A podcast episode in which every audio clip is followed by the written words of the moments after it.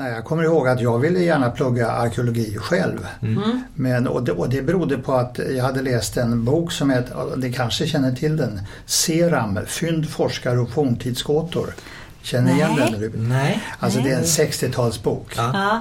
Och Seram var väl någon eh, populärvetenskaplig eh, arkeologintresserad person från Tyskland tror jag. Och den, men den boken som handlade om eh, utgrävningar i Assyrien, Egypten, eh, det, område efter område sådär. Den var jättespännande att läsa och det var bra illustrationer. Och den tog jag till mig ganska mycket men min, min far sa ju att du ska läsa, läsa något som är matnyttigt. Ja, ja. Jag, har- jag har pratat med min, min kompis juristen så och så. Du ska, ja, du ska läsa. så jag Ja. styrdes in där. Ja. Jag fick inte välja arkeologi. Så var det faktiskt en av dem jag pluggade grundkursen med, samma sak. Han läste grundkursen för han ville plugga antiken men hans pappa sa att han skulle bli jurist. Och sen skulle han börja juridiklinjen. Ja, det går igen. Ja.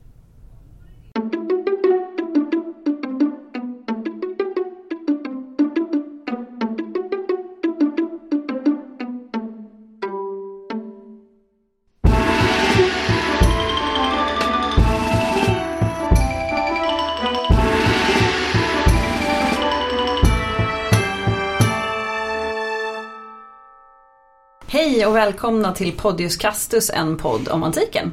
Idag med mig Hanna Och jag Adam. och vår gäst Ove Bring. Välkommen! Tack så mycket. Eh, Du Ove, du är ju professor emeritus i folkrätt. Ja. Eh, tidigare folkrättsrådgivare på UD och ledamot av permanenta skiljedomstolen i Haag. ja, det är jag inte längre men, men jag har varit det. Du har varit det, Ja. precis. Eh, Och du har ju skrivit ganska många böcker under dina år. Ja, En bok som, som vi har fastnat för är Parthenon-syndromet som kom 2015. ja. Som handlar om eh, kulturskatter, krigsbyten och repatriering, alltså återbördande utav kulturskatter. Mhm. Hur kommer det sig att du intresserar dig för det här? Ja jag tror att det, det berodde på att redan under min tid på UD så blev jag inblandad i fallet med Silverbibeln. Och liksom när Václav Havel, Tjeckien eller Tjeckoslovakiens president kom till Stockholm på ett besök 1990 så blev det väldigt oroligt i svenska kulturkretsar. Miljöpartiet ville i riksdagen att vi skulle återlämna Silverbibeln till Prag. Den hade tagits 1648 under 30-åriga krigets slutskede därifrån av svenska fältmarskalken eh, Königsmark. Och, så, och då var det tal om att den skulle återlämnas och man förväntade sig att Tjeckoslovakiens president skulle begära repatriering, återlämnande. Och jag fick skriva en promemoria på UD. Vad var det folkrättsliga läget då? Och vad var det folkrättsliga, hur var det folkrättsliga läget nu? Och det var ju en, eh, det är lite speciellt eftersom att det kom ju inte ett sånt krav. Eller hur? Nej, det var väldigt... Eh, jag skrev min promemoria och sa att vi har ingen skyldighet att lämna tillbaks den. Nej. Och UDs eh, informationssekreterare sa att blir det fråga om återlämnande då får vi lösa den frågan på, på ett fredligt och bra och schysst sätt. Ja. Men, och, men det behövde aldrig göras för att ingen begäran om repatriering kom. Nej, Så Kultursverige kunde andas ut. precis. Och den är ju kvar på Uppsala Och den, den idag. ligger på Uppsala universitetsbibliotek. Precis. Mm. Ja. Eh, hur kommer det sig att, att vi inte hade någon skyldighet att lämna tillbaka den? Ja, därför att på den tiden så var det ju helt lagligt att ta krigsbyten och, och ta krigsbyten av alla slag. Det vanligaste sättet att ta krigsbyten var ju att ta militär utrustning från fiendesidan. Men också tog man kult, kulturellt värdefulla grejer och tog hem och fältmarskalkarna gjorde det allihop. Och det var lagligt så länge som kriget, striderna pågick. Men om det var en fredsuppgörelse så fick man därefter inte ta med sig någonting ur fiendelandet. Så att eh, på det sättet var det ganska generöst i förhållande till möjligheten att ta krigsbyten. Men det var Ja. inte helt oreglerat. Nej. Nej, och de fick ju lite bråttom där. Eh, drottning Kristina ville ju ha de här kulturskatterna. Drottning Kristina hade sagt i ett eh, direktiv till fältmarskalken att ge mig biblioteket, jag vill ha böckerna, det är det Ja. jag framförallt är intresserad av. och, det, och det förstod Königsmark och han fixade det. Ja, det, men det var ju Ja. schysst av honom Ja. att, bistå där Ja. eh, i, i den. Men idag ska vi inte snöa oss på silverbibeln även om den är superintressant. Utan vi ska prata om lite mer antika föremål. Mm. Så vi tänkte titta lite på just det här som vi var inne på nu, juridiken. Men sen två exempel som är jättespännande. Och det är Nefertiti-bysten och Partenonfrisen. Mm mm -hmm. Partenonfrisen är en sån där sak som brukar segla upp i debatten ja. ganska ofta. Ja. Men, men, innan vi kommer till den, nu har vi ju varit inne lite på det. Du berättade att eh, på 1600-talet så var det ju lagligt med, eh, med krigsbyten men det här ändrar sig ju mm. Eh, under åren. Ja. Och det blir ett skifte runt, det börjar väl redan under upplysningen men framförallt ja. runt 1800-talet. Ja. Alltså det börjar med att det kommer fram en ny rättsuppfattning. Mm. Eh, som inte liksom övergår till bindande juridik. Men det finns en, eh, en fransk-schweizisk folkrättsjurist i mitten på 1700-talet som heter Emerich de Vatel. Mm. Och han är progressiv och han är modern skulle vi säga, mm. mm. åtminstone för sin tid. Och han tycker ju att det är helt fel att ha krigsbyten mm. som är av kulturellt slag och som tillhör liksom de olika nationernas kulturella arv. Mm. Och eh, sen händer det saker under Napoleontiden mm. därför att Napoleon tar väldigt mycket krigsbyten. Mm. Han är aktiv. han är väldigt aktiv på det området och han tar massor med grejer till Paris och han vill, precis som Hitler ville senare, göra Berlin till en stor konstens huvudstad mm. så ville Napoleon göra Paris till Europas huvudstad mm. även på det mm. konstnärliga kulturella området. Så Louvren som fanns redan då som museum döps om till Musée de Napoléon mm. och eh, massor med grejer. Men då finns det folk som opponerar sig mot Napoleons röveri av kulturella krigsbyten. Och det, det, finns en person som heter Quatremer tror jag mm. som skriver ett brev till generalen Miranda som egentligen är från Latinamerika men tjänstgör i Napoleons arméer. Mm. Och han säger det är fel av er general, det är fel av er att ta krigsbyten. Mm. De tillhör liksom den eh, universella civilisationen mm. och de ska lämnas i fred. Så där kom en första, förutom Vattel då som var tidigare, en, en klar signal. Och när Wienkongressen sammanträder när Napoleon är slagen mm. så är, kan man säga nästan alla de viktiga staterna eniga om att krigsbyternas tid är över. Mm. Men de får inte till stånd en överenskommelse om det. Därför att eh, ryssarna, Alexander, mm. Tsar Alexander vill inte säga någonting i den frågan.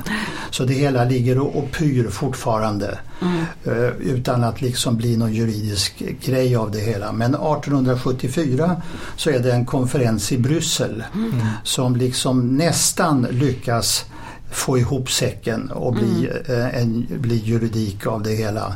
Men Brysselöverenskommelsen ratificeras inte som man säger. Men där fanns det regler om stopp för kulturella krigsbyten. Mm. Precis. Mm. In, inte stopp för militära krigsbyten men, men för kulturella. Ja. Och sen när Haagkonferensen, fredskonferensen i Haag sammanträder 1899 så har man som bakgrundsmaterial deklarationen från Bryssel. Mm. Så den använder man när man förhandlar om vad som man ska komma överens om i, mm. i Haag. Och då kommer det första förbudet 1899 mm. mot krigsbyten. Mm. Och sen så finns det flera avtal efter det 1907 i Haag som bekräftar det och det bekräftas mm. på nytt och bekräftas på nytt upp i modern tid. Och då är det väl både att man förbjuder liksom plundring men också förstörelse? Ja. Att det, det är liksom inte bara förflyttandet utan också det som vi såg, eh, inte för allt för många år sedan när man förstör i, i Petra bland annat. Ja. Eh, att, det ändå, att man ändå ska i, i ett krig skydda de här. Ja. Eh, Jo, det är riktigt. Man, liksom, man nämner inte specifikt eh, bortrövande av saker utan man säger plundring är förbjudet mm. och bortrövande av liksom, kulturföremål är förbjudet. Mm. Ja, det, det, eh, och jag har skrivit upp här att artikel 27 förbjöd bombning och attacker. Eh, ja, bombning och attacker mot eh, civila och kulturella mål. Ja. Bombning och attacker mot militära eh, anläggningar Precis. var ju Helt na- okej. na- helt, helt okej. Ja, eller helt okej, det, var, men- det var naturligt när man reglerar just det. krigets lagar. Precis, ja. Så, Eh, att, eh, så den distinktionen måste vi göra. Ja, men och det är ju ändå ganska intressant eftersom att det här det här följs ju, i vissa krig verkar man ju ha tagit hänsyn till det här. Ja, men i andra har man ju, som du nämnde Hitler, han, han ville ju också skapa Ja. eh, sin, huvud, sin kulturella huvudstad och han, han flyttar ju på saker. Alltså innan vi kommer till Hitler så har vi ju första världskriget. Och där var det faktiskt så att när tyskarna gick in i Belgien Mm. så blev de förvånade över att belgiska civilpersoner gjorde motstånd. Och då skulle de hämnas. Ja. Och då, bom, då bombarderade man Louvain, och det stora biblioteket, universitetsbiblioteket i, i Louvain. Och det var förfärligt olyckligt och äh, massor med äh, oskattbara brök, böcker brann upp.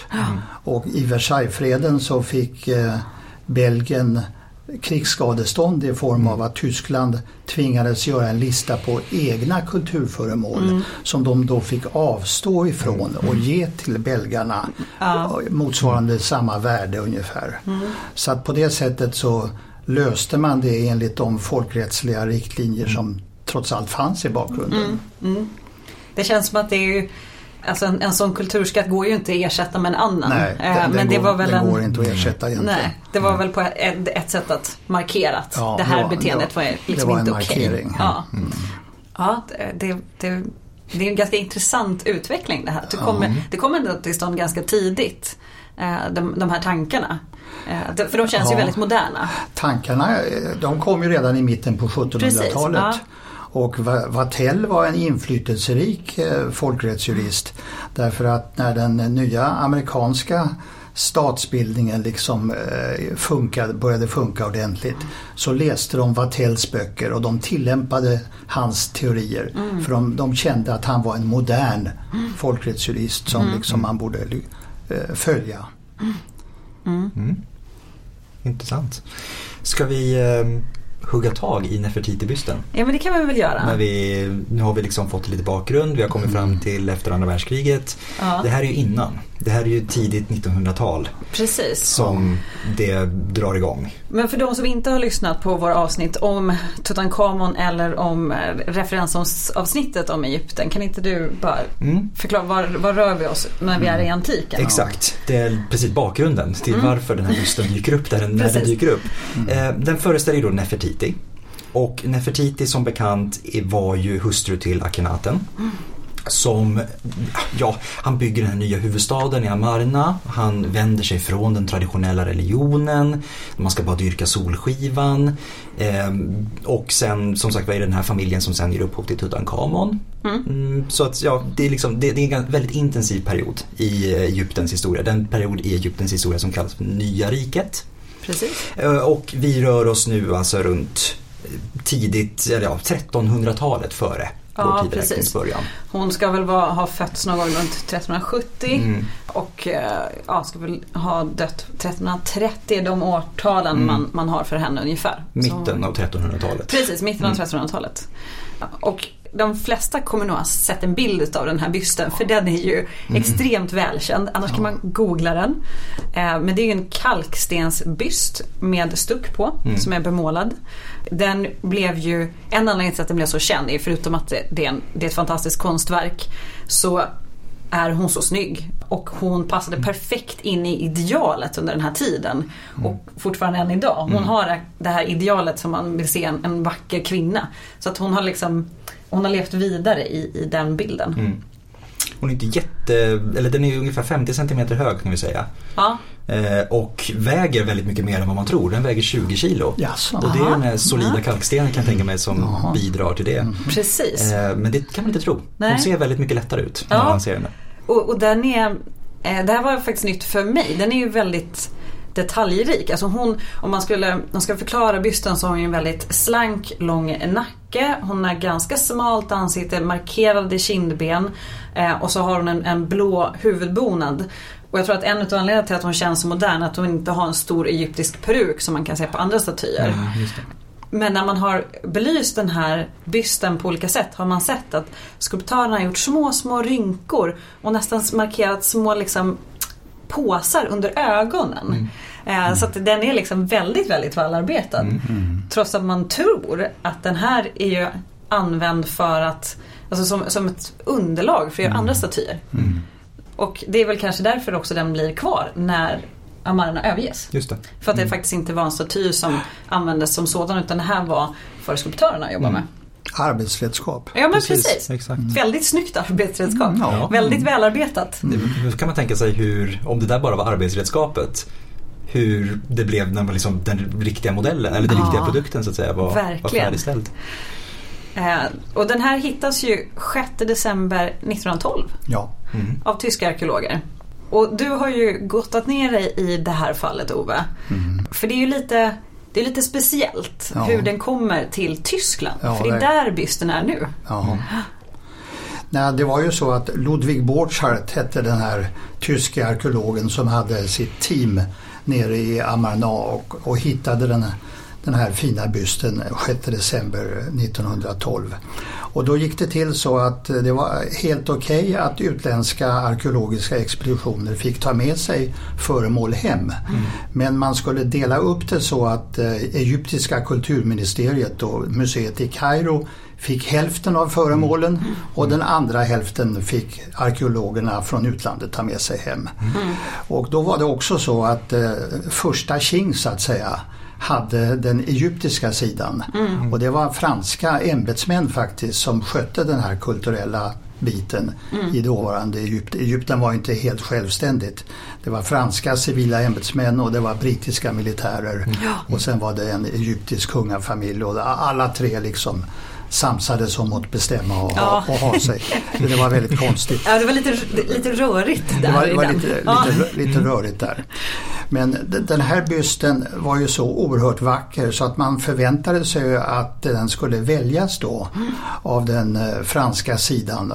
Och den eh, inspektör som hade det jobbet att, att välja, han hette Lefebvre. Mm. Och Lefebvre liksom eh, valde bort Eh, Eh, den, den, här vackra bysten och den fick eh, hamna på den tyska sidan. Och man undrar hur, hur gick det, detta till egentligen?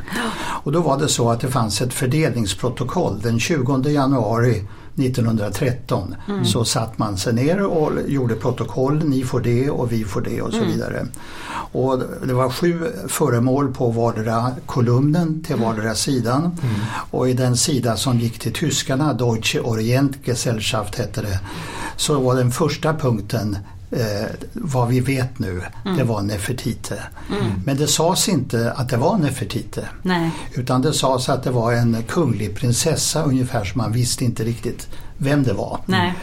Uh, och lite senare i listan så fanns det en punkt 4 och där stod det en liten statyett av drottningen. Mm. Så där erkändes det att drottning Nefertite fanns med i bilden. Och man vet från den arkeologiska dagboken som Ludwig Borchardt förde mm. att han var medveten om att vad man hittade den 6 december 1912 eh, det var mm. drottningens byst. Precis. Men det sa man inte i punkten 1 i fördelningsprotokollet. Mm. Och vad jag märkte när jag var på eh, arkeologiska biblioteket i Berlin mm. och beställde fram en, en årsbok. Mm. Som, och det var väldigt spännande för de ville egentligen inte ha mig på det där biblioteket. jag fick kommunicera många gånger innan jag fick komma in. Och det var jättespännande för jag visste liksom att i den här årsboken så finns fotografier av, av protokollet, mm. fördelningsprotokollet. Och det, den utställning som gick i Berlin just då mm. från och med 6 december 2012 och framåt. De hade ju liksom en katalog mm. och där var det liksom fotografier också av de olika protokollen. Mm. Men de var så suddiga de fotografierna. Man kunde inte utläsa någonting av det. Nej. Och alla egyptologer som hade bidragit till den här katalogen de gick som katten kring het gröt mm. kring hur den här bysten kom till Tyskland och ja. varför. Mm. mm. Så det var något skumt med det hela. Ja. Och jag visste att svaret kunde man få mm. i Der Kulturbesitz från år 2010. Ja, om man vill läsa den själv. Och, och, och jag visste att där, där fanns liksom en artikel som sa precis som det var. Ja. Och när jag beställde den boken och satt på biblioteket då var jag ganska nervös. Ja. För jag tänkte, har de koll på mig nu? Just det. Vet de att det här är precis den bok jag inte får? Ja, ja. För, att- för att liksom avslöja katalogens lakuner om vi säger Ja. så. Men ingen reagerade Nej. Utan jag fick årsboken och då visade det sig mycket riktigt att eh, den, den första punkten var liksom eh, Nefertiti-bysten. Ja. Det framgick när man jämförde med Ludwig Borchards dagboksanteckningar. Och hans dagboksanteckningar från just den 20 januari 1913 när han kommenterar hur Lefebvre, den franske inspektören, beter sig. De dagboksanteckningarna är väldigt avslöjande. För han säger Lefebvre är väldigt nervös. Han är väldigt störd över den fördelning som han har blivit sig förelagd. Ja. Och han är rädd för sina överordnade i finansministeriet, att de ska komma på honom. Han är rädd för Monsieur Weigall och sådär. Ja. Och här undrar man liksom, eh, vad är det som har hänt? Och jag tror ju att eh, Lefebvre har blivit mutad och övertalad. För det fanns pengar i bakgrunden. Det fanns en finansiär i Berlin som hette James Simon, en judisk affärsman med mycket klöver. Och han hade liksom sagt att så så mycket är jag beredd att tillskjuta. För han vill ju verkligen ha bysten till Berlin. Han ville verkligen Ja. ha bysten till Berlin och han liksom umgicks med kejsar Wilhelm den andre. Och, han hade, och sen när, när bysten hittades berättade han för kejsaren att den finns där och vi ska försöka få den till Berlin. Och så vidare. Så att man anar hela tiden hur liksom pengarna har använts. Och eh, tillsammans med andra påtryckningar.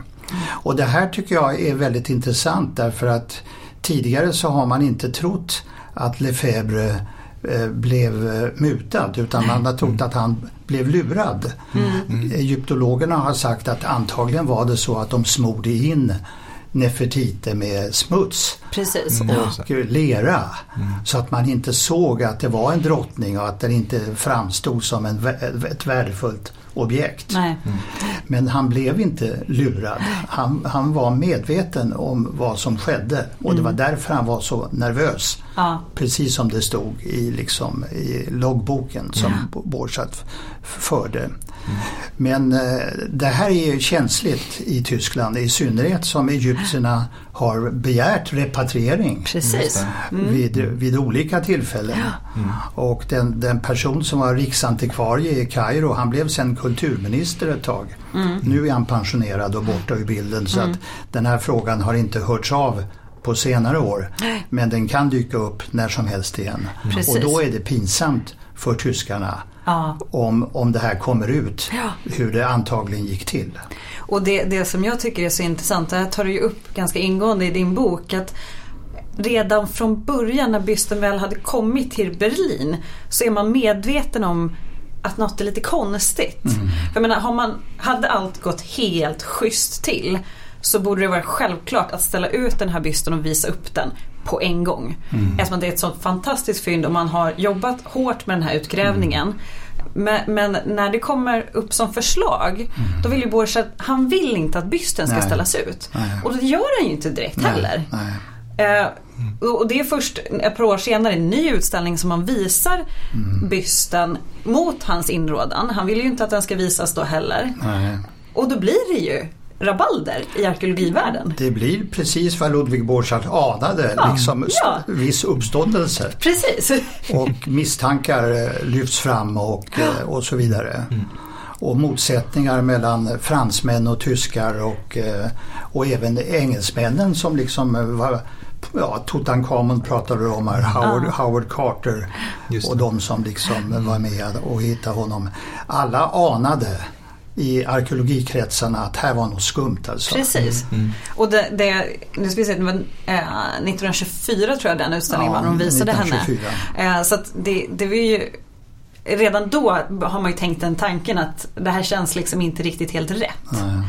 Och det kan man ju förstå för att du har citerat vad Borchardt skrev i sin dagboksanteckning när han hittade bysten. Ja. Om man läser då Färgerna som om det just vore ditmålade. Arbetet absolut fantastiskt. Ingen idé att beskriva den, den måste ses. Mm. Och jag menar han är uppenbarligen extremt medveten om Ja. vilket otroligt fynd han har. Eh, och det borde ju Lefebvre också ha varit. Ja, det borde han ha varit. Eh, Så, att- så att det, det, det osar ju skumt hela vägen. eh, ändå. Och Borchardt kunde ju inte motstå och skryta lite grann med det. här. 1924 så sammanställde han en bok om, om sina fynd. Och där var han ganska stolt Mm. när han kunde redovisa att då hittade vi den här bysten och så och Ja. så. Så det kunde han inte motstå. Nej. Ja, Jag tycker att det, det är ju ganska spännande för att när väl bysten har visats så blir det ju det här det, det, i samband med både den här ut- utgrävningen i Amarna med bysten och Tutankhamon så uppstår det en egyptomani i västvärlden. Ja, Och det blir ju till den graden att när ett av de här repatrieringskraven kommer från Egypten så är det ju faktiskt en eh, föreståndare för museet i Berlin som kan tänka sig att lämna tillbaka. Men då, det vill ju inte berlinarna. Nej, nu är nej. ju Nefertiti är ju deras nu. Eh, så att, så det, det är ganska intressant hur man liksom tar till sig Ja. den här bysten. Ja. Eh, på, på ett sätt som, ja det säger en hel del om, om Sen vilken nästa grej som är intressant är att när nazisterna har tagit makten så funderar Hermann Göring och Josef Goebbels på att ge bysten till kung Fuad som han heter i Kairo. Därför att man vill ha Egypten med på sin sida om det ska bli krig i eh, Af- Nordafrika och så vidare. Men eh, och, och, och den tyska ambassadören i Kairo säger till kungen att det är på väg. Nefertitibysten är på väg till er. Tyskland kommer, det, det nya Tyskland kommer att ge den i present till Egypten. Ja. Men fyren måste ha sista ordet. Ja. och han vill ju inte. Nej. Och, och säga vad man vill om Hitler men han var väldigt intresserad av kulturföremål. Ja, precis. Så att han satte ner foten och det blev absolut ingenting av det. Eh, och den, den är ju kvar, den står ju just nu på Neues eh, museum där i Ja, Berlin. Neues Eh, museum. Ja, och det har ju faktiskt eh, kommit flera krav på att få tillbaka den. Zahi Hawass som brukar dyka upp om man ser på dokumentärer. Så man har nog eh, sett och hört honom. Han Sett är- och hört honom. ja. Han är ganska Ja. yvig i Väldigt- sitt sätt. Ja, Precis. ja, ja, ja, vad intressant att ni har sett honom. Ja. Det var honom jag refererade till förut Precis, som ja. riksantikvarie och senare kulturminister. Precis, ja och han är eh, ganska frispråkig han också. Ja, som sagt, Eh, han hörs och märks. Han hörs och märks. ja, Eh, och, och dyker ofta upp i dokumentärer om man ser kring den här perioden. Så Ja. man kan ha stött på honom. Han, han har ju liksom sagt vid tillfällen att han har liksom bevis för att det här ska ha gått fult till. Sen, sen kom ju ehm, Sen har det varit stökigt i Egypten rent politiskt med Ja. arabiska våren och där, där har väl liksom den frågan om repatriering kanske hamnat lite, eh, lite Bara- längre ner på bara, agendan. mm. Men, men som du sa, det, den kan segla upp Ja, när som helst. Ja, ja. Så att, ja, det, det blir spännande att se om det kommer, Verkligen. kommer komma. Och det lär det göra. Det lär det göra. Ja, det, igen, det kommer så- göra. så- Förr eller det- senare. Ja. Ja, och det ska bli intressant att se vad utkomsten blir. Mm. För de har ju, det var i år va, som de öppnade nya museet. Det var det. Det var det absolut. Och jag tänker också framförallt det att alltså debatten ser ju annorlunda ut idag. Jag Ja. tänker kring repatriering överlag. Jag menar om vi pratar Berlin så det var ju inte allt för länge sedan de gav med sig med Beninbronserna Precis. från Etnografiska museet i Berlin. Mm. Eh, att i alla fall öppna upp i den Ja. pågående Nigeria, alltså dialogen, Mm. Benin-dialogen med Nigeria. Mm. Eh, så att klimatet är ju lite annorlunda. Ja, det, det har ändrats. Mm. De, sista 15 åren där Mm. har det hänt saker och ting. Ja. Och det började med Getty-museet i Los Angeles. Som liksom gjorde bort sig genom att de hade en kurator som hade fuffens för sig och Mm. dolde vissa saker.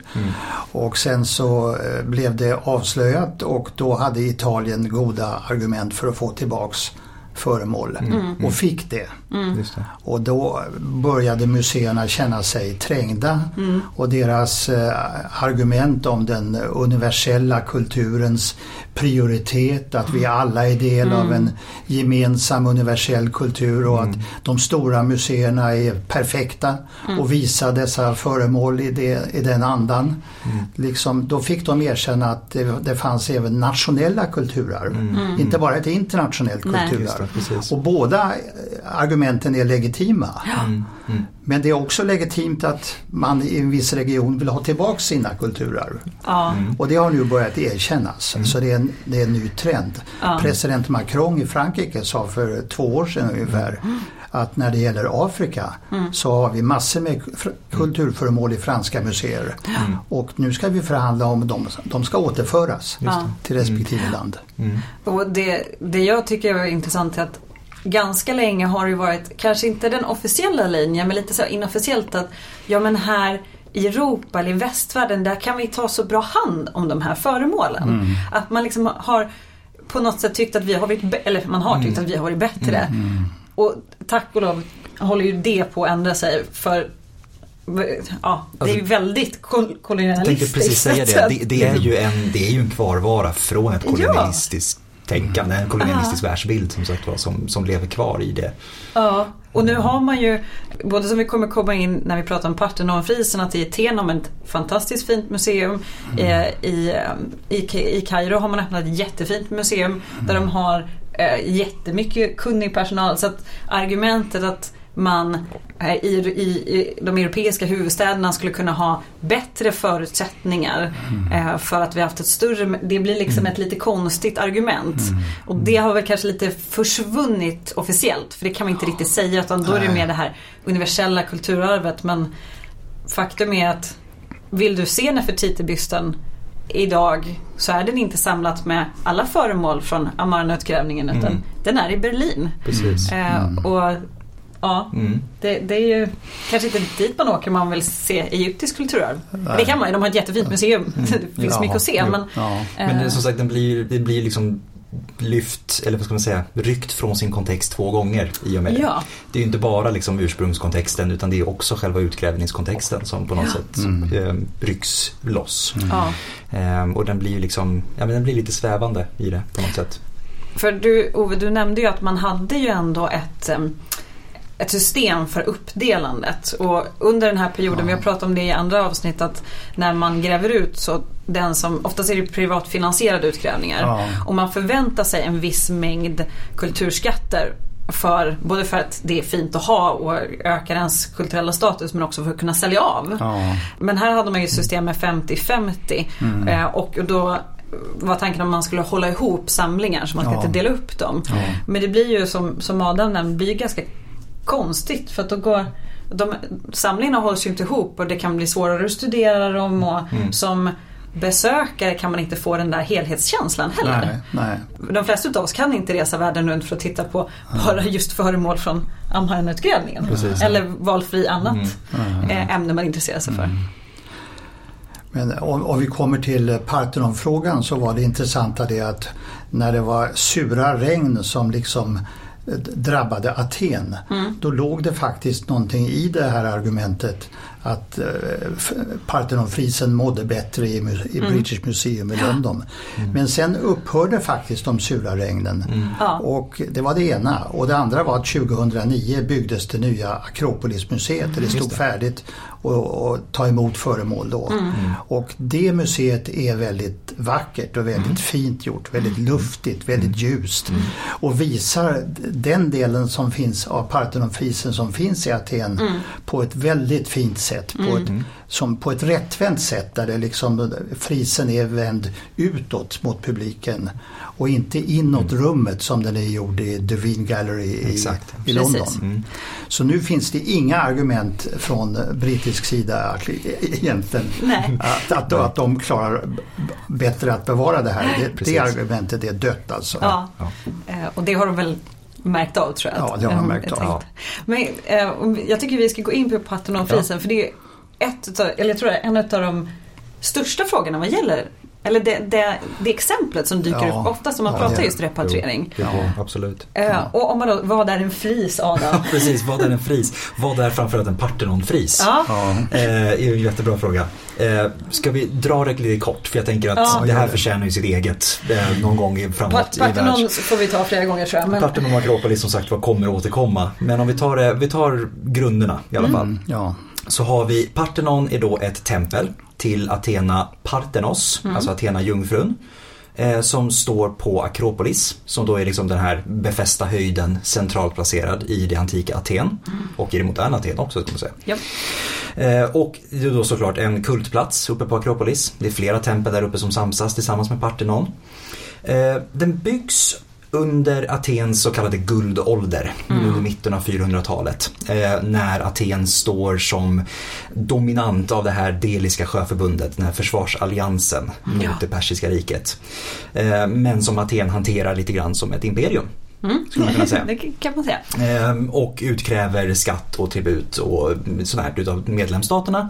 Och det är de här utkrävda tributerna som sen finansierar det här stora byggprogrammet som dras igång på Mm. Akropolis. Och eh, som också kommer husera de här Exakt, eh, för man flyttar ju skattkammaren från Delos till Mm. Aten. Ja. Eh, Och det är Perikles han som går i bräschen för allt det här. Och honom har vi hört tidigare om, som sagt lite I, grann eh, tror jag. I Eh, Aten. Exakt, till Dyker exempel. Som sagt var, templet stod färdigt 432 Mm. före vår tideräknings början. Och det är då alltså strax före Peloponnesiska kriget drar igång. Ja. Så att det är bara några år utav fred innan, innan, innan det står härliga till som sagt var.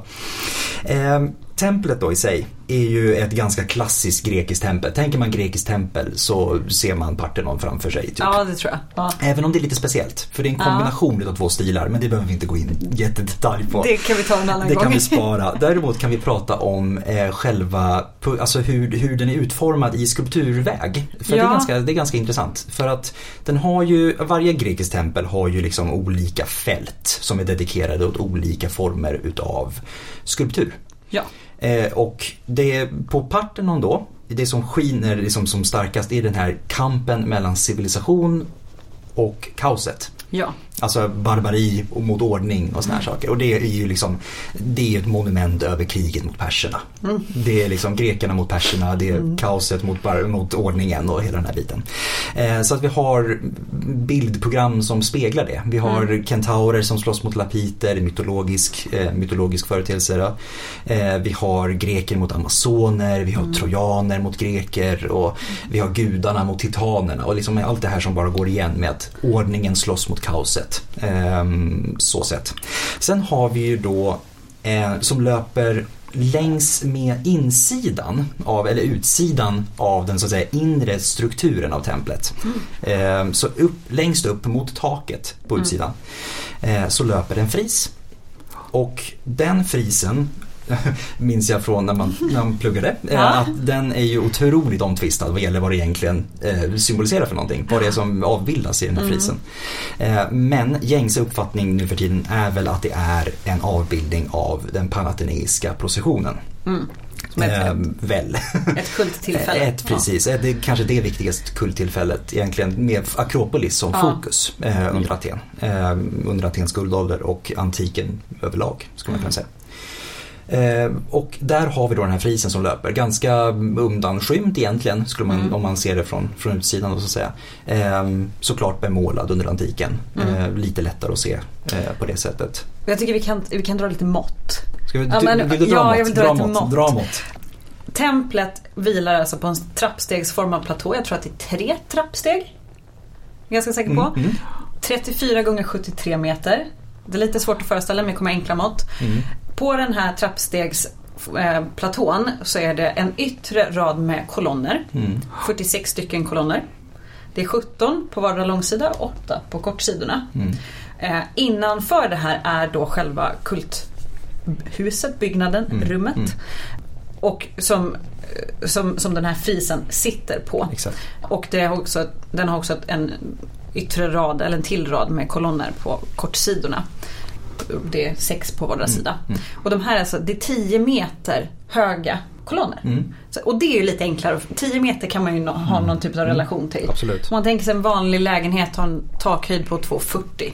så kan ni räkna liksom Mm. uppåt. Det är, det är ganska högt upp. Det är, det är väldigt högt. Det är högt. Det är fyra lägenheter ovanpå varandra, Ja. lite drygt. Lite drygt. Mm. Eh, och det är ju uppe som vi ser de här olika delarna som vi ska prata om. Mm. Och då har vi ju, förutom frisen som då sitter på det här templets, runt, runt den här sällan som det heter, det här tempelrummet. Själva strukturen. Strukturen sagt. sitter ju alltså där, högt där uppe. Mm. Så har vi den. Så har vi ju metoper som sitter ovanför de här kolonnerna. Mm. Alltså ett steg utanför. Så de ser man liksom på håll så att säga. det. Eh, Jag skulle säga att det är kvadratiska reliefer. Ja eh, precis, som de är liksom- nästan till Ja. kvadratiska också bemålade. Mm. Och sen så har man gavelfälten på templet.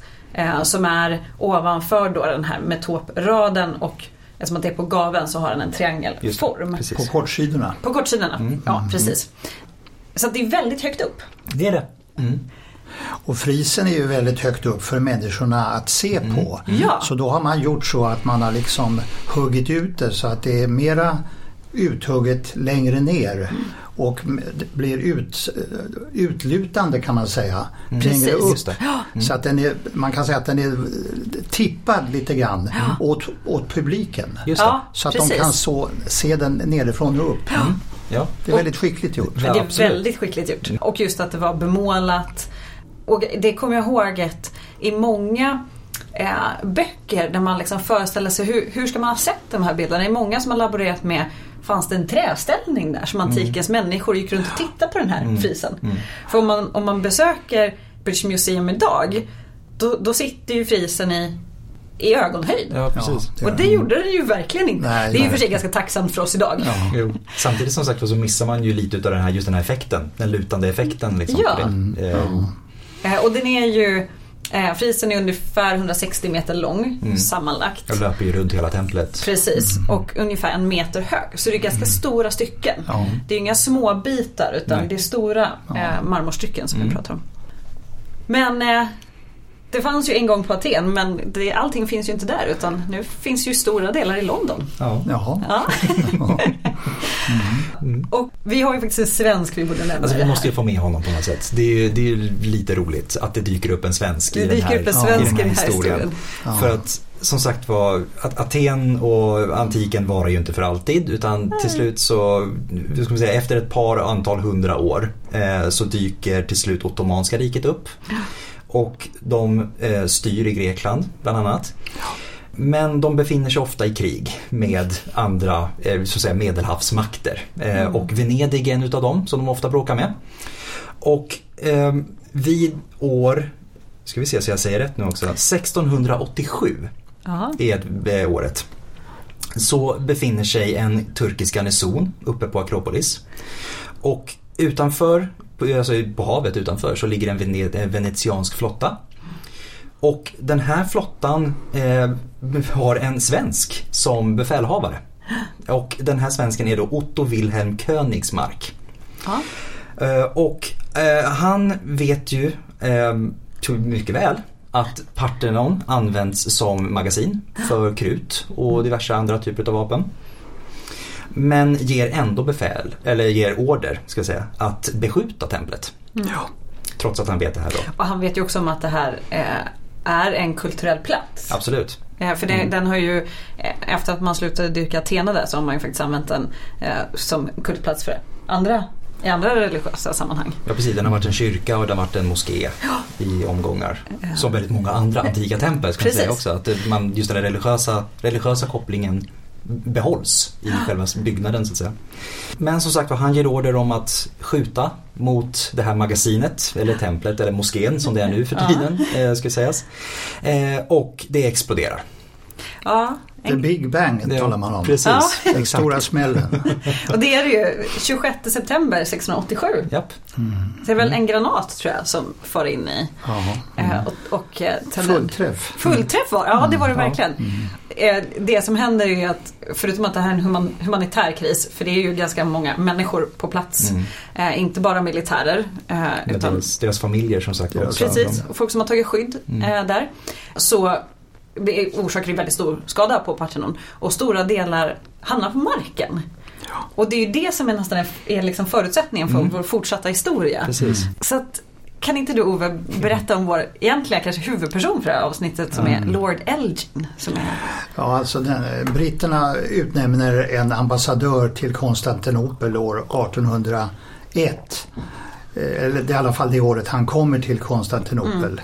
Och Lord Elgin är väldigt intresserad av eh, Aten och eh, kultura, kulturen i Aten och han vill gärna föra över atenska kulturföremål och grekiska föremål till, till England. Mm. Mm. Det är hans projekt.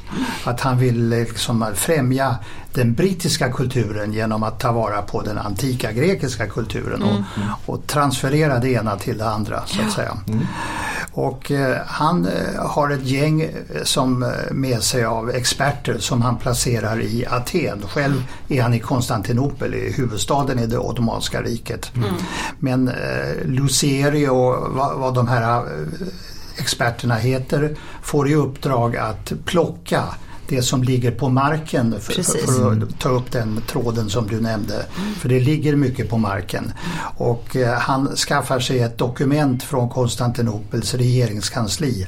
Ett dokument som eh, heter firman, det, det heter den här typen av dokument på den tiden. Mm. Och där fick han bekräftat att han fick plocka upp på mm. marken. Men eh, han försöker också liksom flytta fram positionerna mm. och eh, få till stånd en ny firma mm. som, som går längre. Mm. Och då får han eh, klart att han får sätta upp ställningar för att uppe mm. på högre upp rita av, avbilda och liksom göra sådana teckningar. Men det sägs ju inte att han får plocka loss någonting. Mm. Från, eh, men det, det, finns formuleringar i den här firman som säger att han får plocka saker. Mm. Men det framgår inte om det är att plocka på marken mm, eller plocka på kant, på liksom högre upp från, ja. från själva templet och så vidare. Vad som då händer är att eh, de personer som styr och ställer i Aten mutas. Eh, det finns en militär befälhavare och honom vänder man sig till och så mm. får man vissa medgivanden från den personen. Mm. Och så finns det en civil eh, överkucku som heter Vojvodaren tror jag. Mm. Och han är liksom högre i rang än den militära personen. Och man vänder sig till honom och och han får mutor antagligen mm. och han mm. går med på vad vi jurister skulle säga en extensiv tolkning ja. av firman. Det vill säga det är en generös tolkning ja, av eh, dokumentet. Mm. Och på det sättet liksom låter Lord Elgin sina anhängare i Aten arbeta mm. hela tiden liksom på framkant, flytta fram sina positioner. Mm. Och åren går 1802 liksom blev det en, en ny firman och 1803 så lämnar Lord Elgin faktiskt Konstantinopel. Men han har kvar sina liksom arbetare i mm. Aten och det plockas ner fortsättningsvis saker. Det forslas till hamnstaden Pireus olika saker i lådor mm. och fartyg som ger sig iväg mot Storbritannien via Malta mm. där det liksom eh, lastas om på något sätt. Och och till slut så kommer det ena efter andra till, till London. Mm. Och, ehm, och sen är det en speciell historia hur Lord Elgin misslyckas med att sälja det här. Han, han har ju lagt ner mycket pengar på det här. Mm. mm. Så han ligger mm. ekonomiskt ganska pyrt till. Och han behöver sälja det här till British Museum för att liksom klara sin ekonomi. Men han, han får ett eh, dåligt pris för det mm. och British Museum gör ett, ett kap som jag säger i min, i min bok. Ja, det gör de när, när de tar över det här, allt det här materialet. Så äganderätten anses numera efter det här 1816 års Parliamentary Act tillhöra den brittiska staten mm. och museet.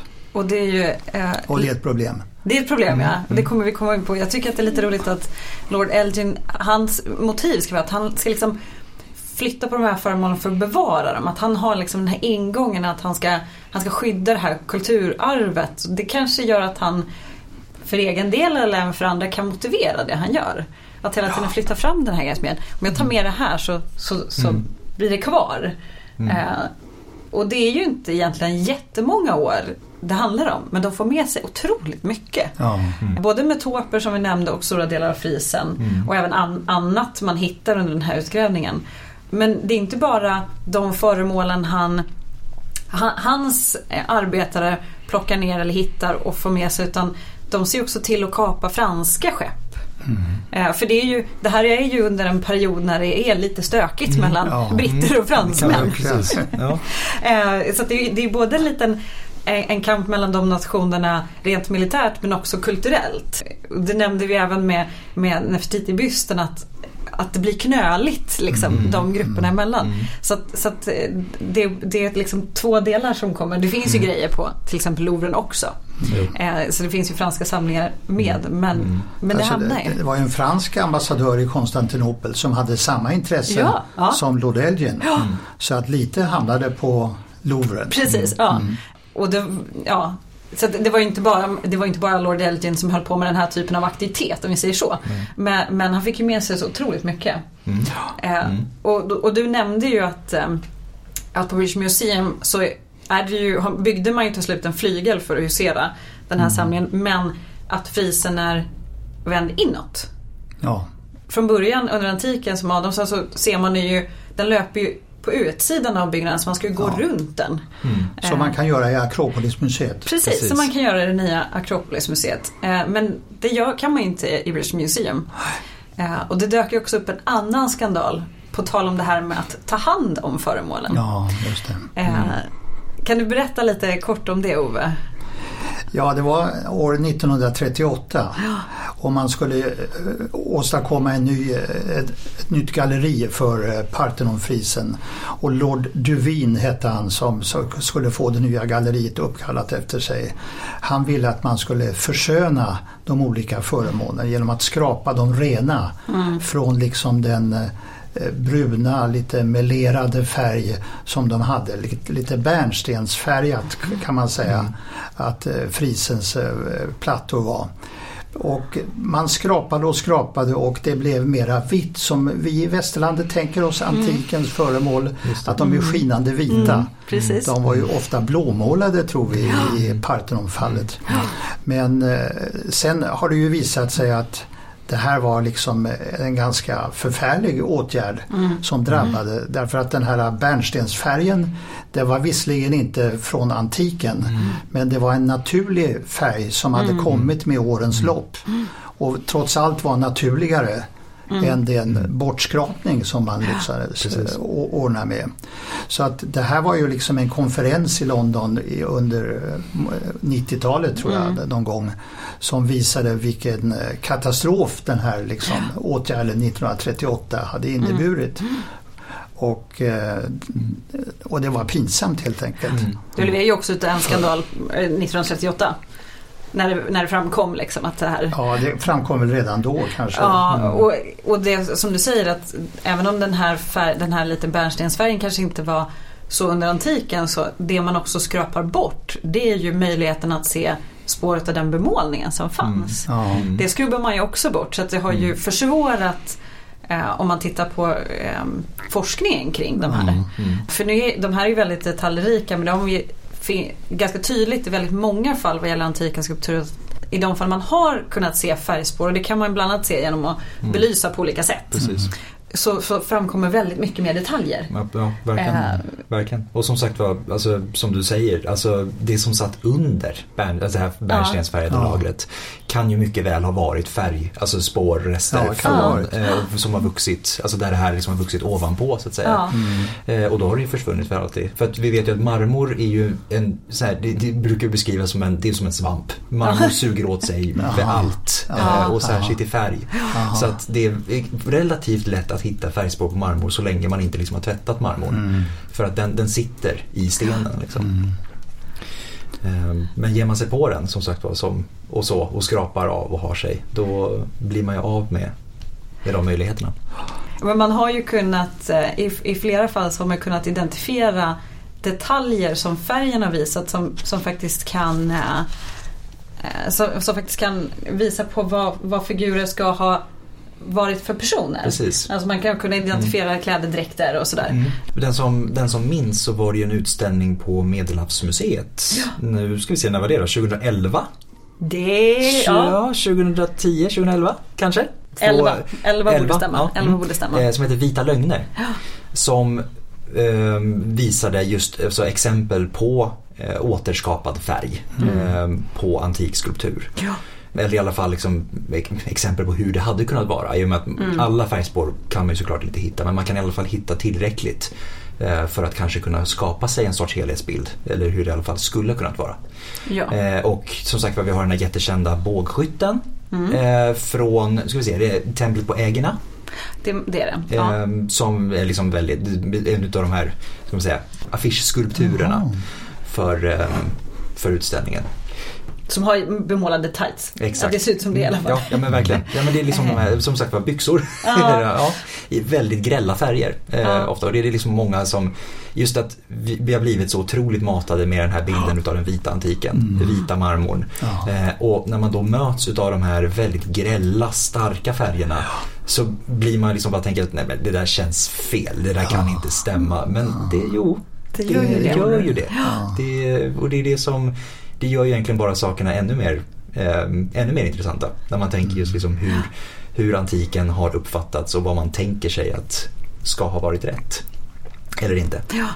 Och det, det här med, med Parthenonfrisen har ju varit ett eh, det är ju en stor fråga. Ja, det blev ju en stor fråga när Grekland blev självständigt. Ja. Som de blev 1830 ungefär. Det är lite olika hur man räknar. Men 1835 så vet man att de begärde på diplomatisk väg att få tillbaks mm. Parthenonfrisen mm. från British Museum. Så sedan 1835 har det kokat den här tvisten mm. mm. år efter år kan vi säga. Eh, utan att det har kommit till någon eh, lösning. Mm. Och det är ju ändå, ja det är snart 100 år. Det är snart 100 år sedan. Ja. Mm. Eh, och det, det är ändå ganska många som har engagerat sig i frågan. 200 år menar du till och med? 200 år menar jag, herregud ja. ja. Jag, jag, jag räknade lite lätt i huvudet och tänkte nej. Det... Jag är humanist, matte ja. var inte min starka sida som ni hörde. Mm. Um, och, och det, det, har ju faktiskt inte tillkommit, eller det finns ju ingen lösning idag. British Museum vill ju ha kvar den här av förklarliga skäl. Ja. Det är ju en, en väldigt, ett väldigt stort dragplåster för dem. Ja. Det, det, det, får man ju lov att säga. Uh, nu finns det ju hur mycket som helst i British Museum. Man har varit där så man hinner, inte, man hinner ju verkligen inte gå igenom museet på en dag. Nej. Det är ju helt omöjligt. Så de har ju egentligen jättemycket. Men det är sen, klart att den här... Sen kan man också ställa sig frågan, hade det varit ett lika stort dragplåster om inte hela den här diskussionen runt den hade funnits? Så kan, ja. Om den, har blivit, om den har fått sin, sta, alltså sin så att säga, ska man säga, ikonstatus på British Museum på grund utav den omgärdande jo, Jag tror du har en poäng där. När, när det mm. gäller modern tid liksom, ja, så ja, tror jag du har en poäng. Mm. Därför att British Museum har ju broschyrer som de lägger ut mm. där de inte på något sätt förtiger Nej. att det är en konflikt Exakt. mellan mm. Grekland och Storbritannien, Nej. mellan de mm. två museerna. Mm. Och de, säger, de ger till och med hemsidans liksom koordinater. Mm. Om man vill titta på den grekiska argumentationen så kan den ja. gå dit och dit. Och ja. Ja. Så de, de, tycker det är läckert ja. lite grann ja. med att det är en tvist. Just det, försöker kapitalisera lite grann ja. på skandalrubriker. Lite grann, kanske. Mm. Mm. Men, men eh, vad, vad, vad, säger du, finns, har de något juridiskt stöd för att behålla Parthenonfrisen i British Museum? Ja, alltså först måste man då klargöra försiggick ett, ett brott mm. under Lord Elgins dagar? Var det liksom lagligt det han mm. gjorde? Eller var det inte det? Och, och det är lite marigt därför att det är svårt kanske att väldigt självsäkert säga att det var olagligt. Mm. För den eh, muhammedanska rättvisan var liksom väldigt flexibel. Mm. Och den, mm. Eh, de här firman de var väldigt vaga mm. och de mm. Eh, hanterades i praktiken på det sättet att man pratade med folk, mm. man smörjde folk, man kom överens om någonting muntligt och sen så blev det lagligt det som kom ut av dem, den ja. processen. och, men det finns en grekisk arkeolog som heter Elena Korka. Och hon har sagt att år 1808 så sa faktiskt regeringskansliet i Konstantinopel att vad Lord Elgin höll på med var olagligt. Mm. Och de satte ner foten. Mm. Men redan två år senare, 1810, mm. så får, kommer en ny firma mm. där Luciere som han heter får utförseltillstånd mm. för de sista lådorna mm. med frisdelare. Och så, å ena sidan så säger de en sak vid ett tillfälle och vid ett senare tillfälle så har man glömt det lite ja. grann. Mm. Så att, men en sak är ju säker, även om det inte strider mot internationell rätt det som mm. skedde på, på den tiden mm. så stred det redan då mot internationell moral. Mm. mm. Och den moralen är densamma som vi har idag. Mm. Så det liksom sätter engelsmännen liksom på, i en svår situation. För de måste försvara sig moraliskt. Mm. Mm. Även om de inte kan göra det, även om de skulle kunna göra det juridiskt. Mm. Och det är ju ännu svårare tänker jag. Och det är ännu svårare ah. därför att det, moralen är någonting som alla människor känner i sitt inre. Mm. Mm. mm. Medan juridiken är någonting som man måste ha internationella domstolar för att reda ut. Ja. Det. Och det, det, har ju också varit, nu har jag tappat hennes namn, men hon var väl eh, kan ha varit kulturminister i Mel Melina Mercouri ja, tänker du på. Som, som, som stod, stod och grät i, ja. i TV. Ja. Alltså det är ju eh, det vet vi ju, det har vi märkt väldigt tydligt de senaste åren att känsloargument mm. är ganska lätt att ta till sig. Mm. Och, och, inte för att jag menar att hon har fel i sina argument men, men just, jag tror att många ändå, att det slår an på det här rätt och fel och mitt och ditt. Mm. Eh, för, för jag tror många av oss kan ju tycka att de har ju en poäng att Grekland vill ha tillbaka. Nu har de ett jättefint museum ja. med plats för mm. frisen där mm. de kan ta hand om den. Man kan mm. se den på plats. Ja. Eh, Kontext. Kontexten. Mm. Eh, för där, där har man ju museet, nya museet ligger ju jättenära den faktiska platsen. Men är som du sa, nämnde det här med, med mm. eh, surt regn, är ju skyddad. Mm. Så att det jag, jag, tror att ganska många kan, mm. man kan känna ganska starkt med den, mm, mm. den önskan att få tillbaka. Jo. Jag tänkte det, vi pratade om det också förut med, i fallet med Nefertiti, att just att vad ska man säga, hur klimatet har förändrats i diskussion och sådana här saker mm. runt ja. det på senare tid. Och där har vi också, jag tänker om vi liksom pratar just det här kring moraliska skäl och ett etiska skäl för mm. återlämnande och sådana här saker. Det är ju också någonting som är mycket mer kan man säga, på tapeten idag mm. än vad det var för ett tag sedan. Att ja. Det kan finnas museer som har samlingar som är fullständigt, alltså det har gått helt rätt till. Mm. Men av etiska skäl så kan man ändå så att säga känna att nej det här inte riktigt, känns inte riktigt bra. Mm. Eh, och särskilt jag menar förordningar som, som ger ursprungsbefolkningars, alltså deras rätt att kräva tillbaka till exempel kraftföremål och sådana här saker. Mm. Eh, så att just även den här diskussionen kring vad som är moraliskt och etiskt rätt mm. har ju också skiftat under mm. senare tid. Ja. Eh, och det borde ju inte vara till British Museums fördel i det här kan man tänka sig. Nej. Samma sak med The Benin Bronzes. Mm. De togs från eh, Nigeria staden Benin. Mm. Visserligen två år före 1899 års mm. folkrättsliga förbud mot att ta krigsbyten men mm. ändå mm. moralen Mm. Eh, det, det, var ett rent krigståg. Absolut. Där man mm. skulle straffa den här kungafamiljen och så vidare. Mm. Mm. Och, och, tog alla liksom kulturföremål som man hittade. Och lät äh, försäljning av dessa finansiera den militära expeditionen. Så gick det ofta till när man tog krigsbyten. Man tog hem dem, sålde och så gick det, äh, pengarna till militären som hade haft utlägg. Mm. Mm. Och på det sättet fungerade liksom det när British Museum byggde upp sina samlingar. Mm. Så det är en moralisk, eh, ett mm. moraliskt problem för dem. Ja. Kan, som kuriosa så kan vi nämna att eh, vi har faktiskt föremål från den här straffexpeditionen då, Benin i Sverige. Jaha. Mm. Också på Etnografiska museet i mm. Stockholm. Eh, så finns det en samling på drygt 30-tal, max 40 eh, föremål mm. då, från, eh, från Benin. Mm. Intressant. Mm. Och det här med att, att dela upp eh, fynd från arkeologiska utgrävningar det, är ju inte, det gör man ju inte på samma sätt idag men det gjorde man ju ganska långt in på 1960-talet så gjorde man ju en räddningsutgrävning i Egypten där man skulle flytta på det här templet Abu Simbel, mm. eller den platsen, eh, för att det skulle byggas en ny damm och platsen skulle då vattentäckas. Eh, och där var bland annat eh, ett gäng svenska arkeologer med. Eh, det var jättemånga länder via Unesco som gick in och gjorde den här mm. utgrävningen. Så ett jättestort projekt. Och då finns en del, en del av den utgrävningen finns i Uppsala. Mm. Äh, en annan del finns i Finland om jag kommer ihåg rätt. Så de är också uppdelade. Mm.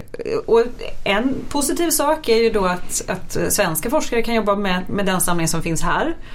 Ett problem är ju dock att att fynden är splittrade. Mm. Så att göra vissa jämförande studier kan ju bli mycket krångligare. Mm. Nu har vi ju idag tack och lov ganska bra internetuppkoppling också. Mm. Men, mm. men ibland vill man ju faktiskt kunna behöver man kunna se ett föremål och jobba mm. mer på det sättet. Så att, mm. eh, det finns ju fördelar med att, att föremål finns på fler platser men, men det finns ju också klara nackdelar med, med den typen av... Så det, det har ju pågått även efter det även om det har då skett på lite mer lagligt vis. Precis. Kanske.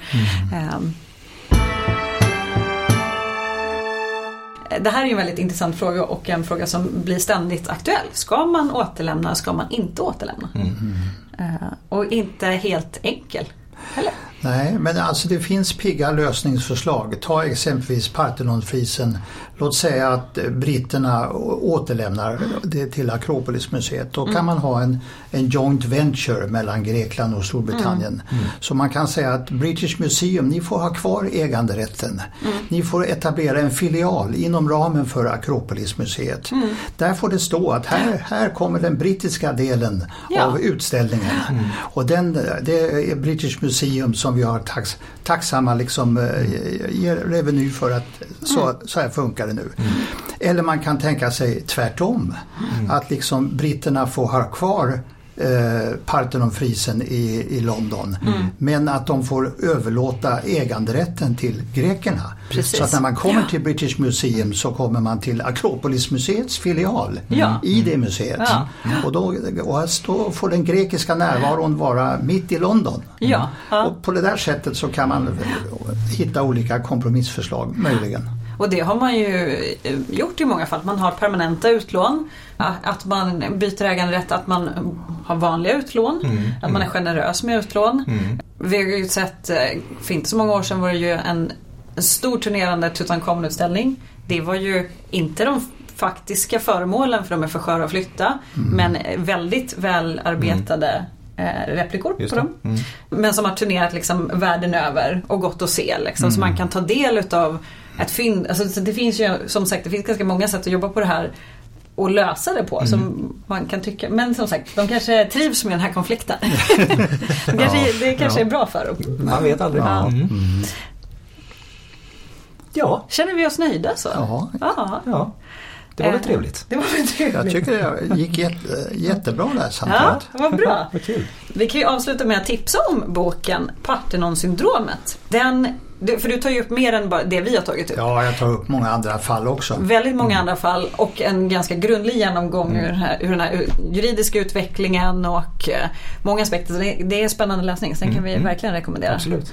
Så den är snygg också. Ja, den är väldigt snygg. Får man säga. Och i den kan man också se eh, bilder på mycket av det du tar upp i boken. Ja, det, det är ett vackert bildmaterial i boken. Ja, mm. om, om man nu inte orkar googla. Ja, precis. Kan, ja, kan man köpa boken Om man vill känna, känna bättre pappret istället. Precis, det vill man ju när det kommer till böcker. Mm.